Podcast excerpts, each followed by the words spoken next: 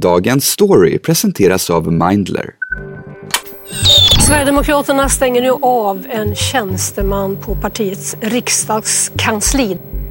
Vad betyder det att en av Sverigedemokraternas tjänstemän i riksdagen har haft koppling till vit maktmiljön? Och att han en gång i tiden dessutom var miljöpartist? Enligt Expo ska mannen aktivt jobbat för att skapa svenska zoner där svenska patrioter ska ta över makten över samhället. På en kvart får du veta varför SDs rötter ständigt hamnar på tapeten och hur jobbigt det senaste avslöjandet är för partiet. Det är fredag den 15 oktober och jag heter Fanny Härgestam. Här är dagens story från Svenska Dagbladet.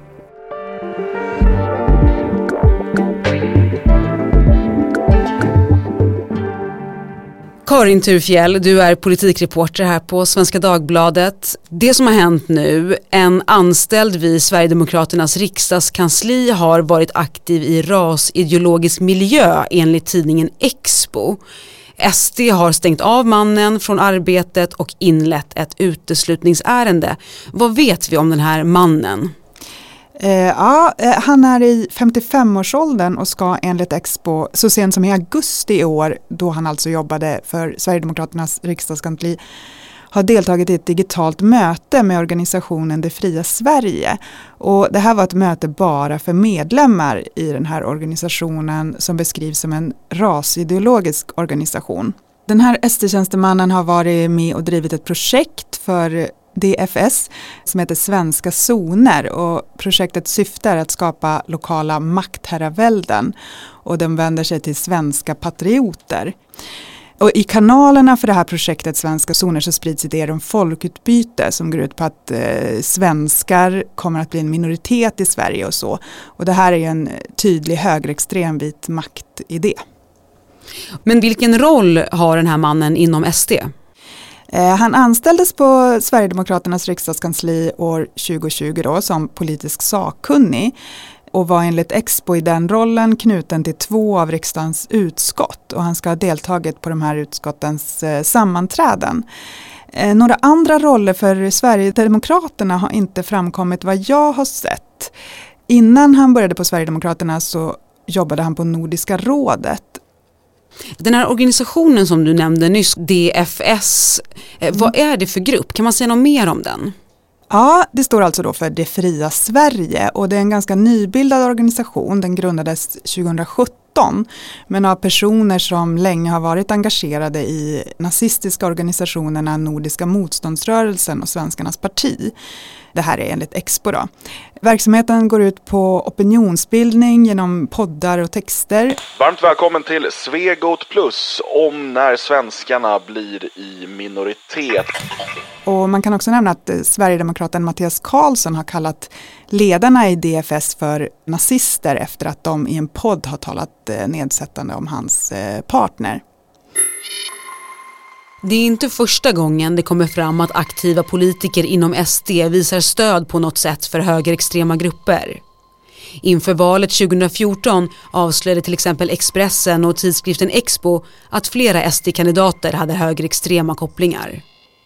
Och 2018 avslöjade Expo och Expressen att 14 SD-politiker varit aktiva medlemmar i nazistiska organisationer eller aktivt spridit nazistiska budskap på nätet. Andra hade spridit rasistiska budskap. Alla politiska kandidater från samtliga partier, både lokalt och till riksdagen, granskades. Totalt avgick 25 personer efter granskningen, varav 24 från Sverigedemokraterna. En av de mest uppmärksammade skandalerna är den så kallade järnrörsskandalen 2010. Är du rasist? Är du svenskfientlig? Tre partitoppar filmades när de bråkade på stan en natt i Stockholm.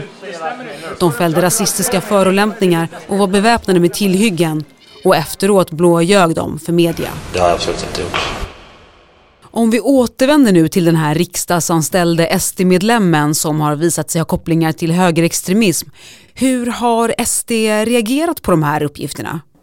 Eh, de har stängt av den här mannen från arbetet och eh, man kallar det för fryst hans medlemskap under tiden som ett uteslutningsärende som de inlett pågår. Och hur besvärande är det här för SD? skulle du säga? Ja men deras politiska motståndare hade förstås lite av en fest när det här kom ut kan man säga. Och de kopplade det till att Jimmy Åkesson i, i en partiledardebatt i SVTs Agenda som var i söndags, eh, alldeles innan det här kom ut, då, rött till och blev väldigt upprörd när Miljöpartiets Per Bolund använde begreppet blåbruna om högerblocket då. Vem är brun här? Vem menar du är brun? Du pratar om de blåbruna. Vem är brun? Och Jimmy Åkesson frågade Vem är då brun? upprört om Per Bolund menade att han var nazist och brun och så. Jag skulle säga att ditt parti är ett högerpopulistiskt parti. Kallar du mig för nazist? Blå, nej, högerpopulist sa Du jag. kallar mig för nazist. Och då kunde man när det här kom fram då koppla det till att här fanns det en SD-tjänsteman som man kunde koppla till, till nazism eller i alla fall till vit maktmiljön och sådär. Och det här bruna då Karin, bara för att förklara för våra lyssnare. Alltså vad betyder det här blåbrun eller vad, vad betyder det att vara brun i ett politiskt sammanhang? Ja, men det är mycket det som debatten om den här agendadebatten har handlat om. Hur man ska tolka begreppet blåbrun. Jimmy Åkesson hävdar ju då att, att brunt som politisk färg kopplas till eh, fascism och nazism, eller nazism snarare. Och och eh, menade att eh, det enda det kunde betyda var att Per Bolund kallade honom då för nazist. Men Per Bolund menar att det är ett liksom etablerat begrepp för högerpartier som bildar samarbeten med högerpopulistiska partier. Och som just det togs det också in i nyspråkslistan 2014. Så liksom språkexperter och sånt som har intervjuats efter den här debatten har lite gett båda rätt. Sagt att eh, den här färgen blåbrun kan tolkas på båda sätten. Och vad var det MP, alltså Miljöpartiet ville uppnå med den här kommentaren? Ja, det kan ju inte jag svara på, men det man kan säga är att om man tittar på den där debatten att det framstod ju som väldigt eh, Både att han använde ordet blåbruna framstod som att det var liksom medvetet och planerat och även Jimmy Åkessons reaktion att han liksom väntade på det här ordet och hade bestämt sig för att eh, verkligen ryta ifrån om det kom fram. Ja, och, det, och det framstår ju som att Miljöpartiet har medvetet eh, liksom försökt rikta in sig på det här, att eh, utmåla Sverigedemokraterna på det här sättet. Också Märta Stenevi, språkrörskollegan, använde ordet blåbrun i eh, riksdagsdebatten som var ett tag innan här. Det är skrämmande tydligt här idag att det blåbruna blocket fortfarande hoppas på att någon annan ska göra något. Men sen har vi den här detaljen att den här personen som vi pratar om i det här avsnittet har ju också varit aktiv i själva Miljöpartiet på 90-talet. Vad betyder det i det här sammanhanget? Ja, jag var ju inne på att det var en lite av en fest för SD-motståndarna när det här om, om SD-tjänstemannen kom ut och eh, när det då kom ut att han tidigare hade varit aktiv i Miljöpartiet så blev det förstås då lite av en fest för SD istället. Till exempel så passade ju Jimmy Åkesson på att twittra ut eh, nyheten om att eh, den här mannen hade varit aktiv i Miljöpartiet och frågade retoriskt då Per Bolund om Per Bolund nu tycker att eh, han ska kalla regeringen för den rödbruna sidan. Men sen, det är förstås en stor skillnad för att eh, tiden i Miljöpartiet ligger ju väldigt långt tillbaka i tiden. Eh, och han har inte knutits till de här miljöerna under den tiden på 90-talet. Och han kan ju ha bytt åsikter sedan dess. Medan de här kopplingarna till högerextrema miljöer handlar om nutid. Ja men precis, det var ju senast i augusti han ska ha deltagit på det här mötet och då var han ju anställd på eh, Sverigedemokraternas riksdagskansli. Och vi har ju med jämna mellanrum sett den här typen av kopplingar hos SD-politiker. Hur ska man tolka det? Ja men Jimmy Åkessons svar när sånt här kommer upp brukar vara ja, men dels att de har vuxit så snabbt och därför har de fått in så många nya företrädare som de kanske inte har så bra koll på. Och så brukar han också säga att, eh, liksom peka på andra partier och säga att det finns olämpliga personer i, i alla partier men att SD åtminstone utesluter dem. De har ju också sedan en tid tillbaka en nolltolerans mot rasism och extremism från, från företrädare. Det, det visar tydligt att vi, vår nolltolerans fungerar.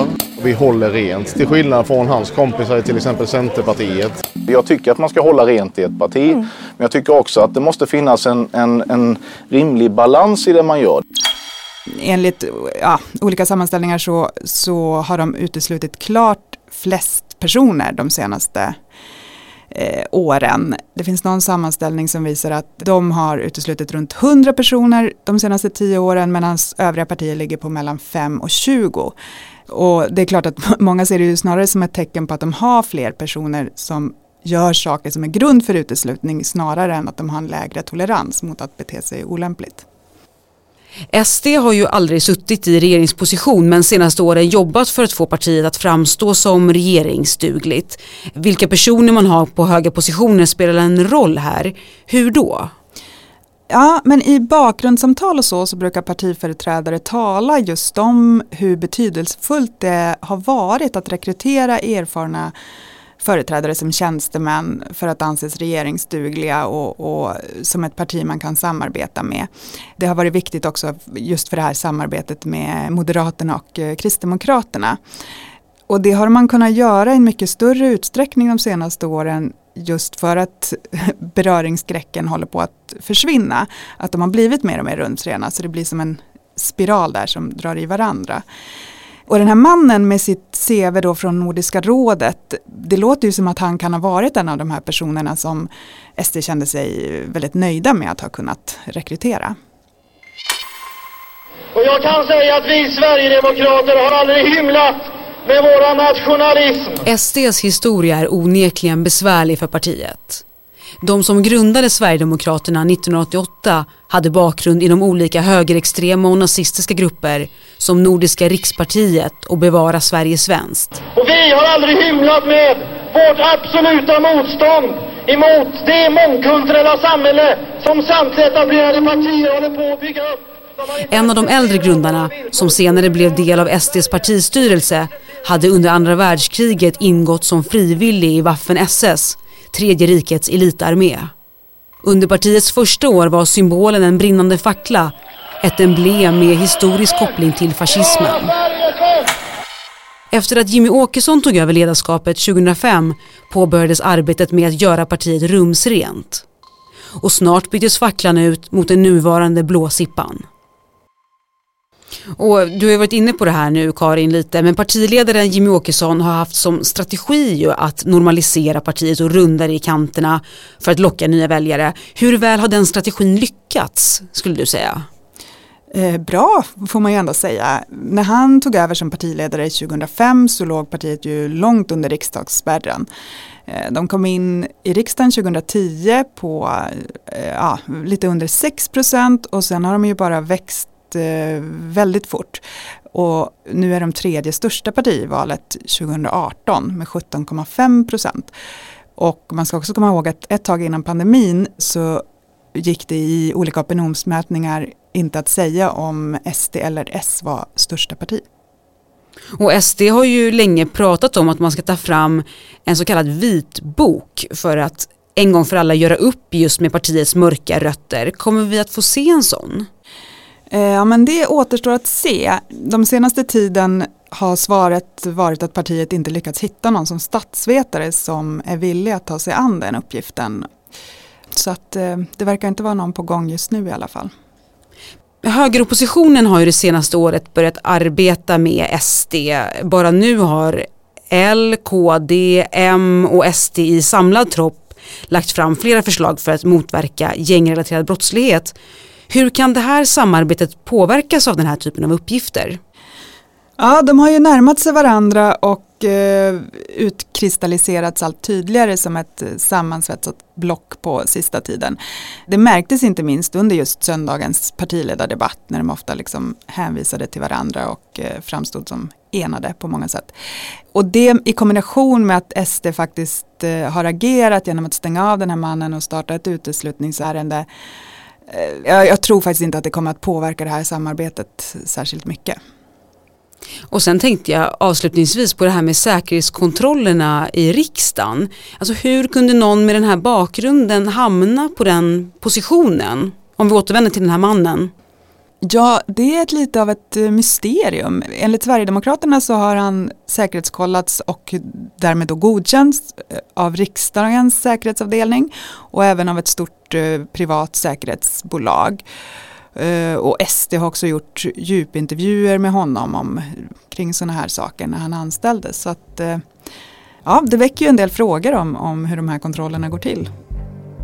Tack Karin Turfjell för att du var med i Dagens Story. Tack så mycket. Har du känt att du har svårt att prata om hur du mår eller inte riktigt vet var du ska vända dig? Det kan handla om stress, ångest eller andra psykiska besvär. Mindler kan hjälpa dig. I appen kan du träffa en psykolog via videosamtal och få tillgång till Mindlers självhjälpsprogram där du får övningar som du kan utföra på egen hand eller tillsammans med en psykolog. Med Mindler slipper du långa väntetider och garanteras en tid med en psykolog inom 24 timmar. Ett besök kostar 100 kronor, en liten investering för något väldigt viktigt, din psykiska hälsa. Vi som gjorde programmet idag är producent Daniel Persson Mora, redaktör Maria Jelmini och jag heter Fanny Härgestam. Vill du kontakta oss så mejla till dagensstory.svd.se.